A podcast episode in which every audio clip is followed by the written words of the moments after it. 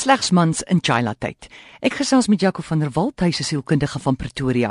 Jaco, wat sou jy sê is die moderne man van vandag se drie grootste uitdagings of probleme? Die drie groot probleme wat mans mee vandag sit en mee gekonfronteer word en manlikheid dan is is die die hele kwessie van amper alleenheid, 'n eensaamheid, 'n wat ons amper ook kan noem 'n baie meer eh, diepliggende emosionele ongelukkigheid. En dan hierdie kroniese kompetisie van ek ek moet beter wees as ander.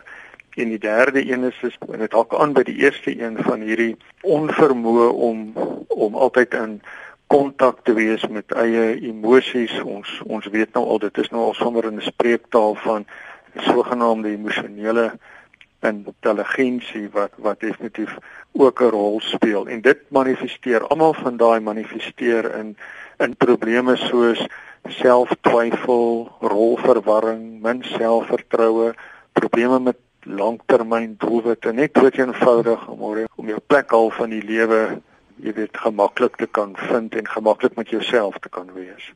Wat die simptome van 'n man mens wat wat werklik eensaam is? Ek dink dit is uh, ongebrek om definitief daai hele spektrum van emosies te kan wys en te kan deel. Maar ek dink ook dis iemand wat op 'n praktiese vlak sosiaal geïsoleerd is, homself sosiaal isoleer van van sy gesin, familie, vriende, nie moeite doen met verhoudings nie, nie moeite doen met gesprekke nie, nie nie deel hoe hy regtig voel nie en ook 'n uh, 'n onvermoë om regtig op 'n dieper liggende vlak met ander woorde meer met daai mense regtig um, uh, in kontak te kan kom. Dit manifesteer ook baie keer van uh, as ek dan nou regtig wil kontak maak en ek en ek weet nie hoe nie en dit is my ongemaklik dan dan trek ek maar net maar net eerder terug en te gee of ander mense die skuld en sê dis hoekom dit nie kan gebeur nie of ek ek sê net dood eenvoudig maar ja daar's daar's daar's nie sin en betekenis om enigsins jy weet verhoudings te kan hê met iemand nie. 'n man wat dalk nou na ons luister wat voel hy's werklik eensaam waar begin 'n mens amore ek dink eerstens dit is nogal en dit word aan die algemeen beskou as 'n uh, as 'n redelike as ek dit in aanhalingstekens kan sê siekte van ons tyd van die die eensaamheid wat uh, ek dink alle mense uh, beleef en die gebrek aan aan werklike diepliggende uh, betekenisvolheid in in mense lewe. Ek, ek, ek dink dit dit begin by um, dat daar eerstens na die eh, die persoon moet eers na homself begin kyk en probeer om homself beter te verstaan. Weereens daai spektrum van emosies, eh, die agtergrond, die geskiedenis, wat het hom gevorm? Hoekom redeneer hy so? Waarvoor is hy bang? Wat is sy vrese?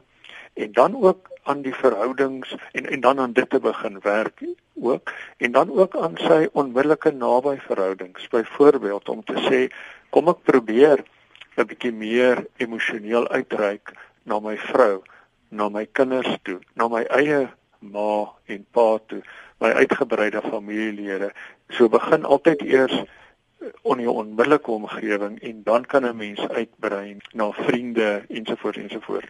Maar dit help nie ons gaan net na die buitewêreld toe nie. Die die reis moet altyd eers by onsself begin en ons moet onsself eers begin verstaan en vrede maak met 'n klomp goed in onsself. Ek hou van die idee wat jy gee van uh, kinders, want ek dink mense voel dalk hopelik veiliger by jou kinders om eers by hulle te eksperimenteer met jou jou emosies want kinders oordeel nie so maklik nie. Dit is uh, tweeledig want dit dit kan jou help. Kinders is soos jy sê oordeel nie en is baie keer baie spontaan om jou te help met dit en tweedens ehm um, dit gaan ook jou verhouding met hulle verbeter en weer vir hulle 'n groot bydrae lewer tot tot hulle eie vorming en hulle eie funksionering ja. Net gou 'n laaste praktiese voorbeeld asseblief Jaco, kan 'n pa byvoorbeeld na sy seun kom en sê: "Heng seun, ek was vandag vir 'n oomblik bang by die werk." Ehm um, sal dit 'n uh, voorbeeld wees vir emosionele uitreiking? Ja, dit sal dit sal dit sal 'n baie goeie beginpunt wees om net eers woorde aan my en 'n reflektering aan my gevoelens te kan gee deur te sê maar dit en dit is hoe ek dit beleef het en omdat ek dit of dit beleef het beteken dit nie ek is nou 'n swakkeling of dit is onaanvaarbaar of ek moes dit eintlik anders beleef het nie want onthou belewenis is altyd en emosies is altyd relevant. De, ons emosies is baie keer die die beste aanduiding van hoe dit met ons gaan. So as 'n mens nie na jou emosies luister nie, maak jy eintlik die deur vir 'n geweldige wye spektrum van jou jou menswees vir jou toe. So dit sal 'n goeie beginpunt wees, ja. So gesels Jaco van der Walt, 'n sielkundige van Pretoria.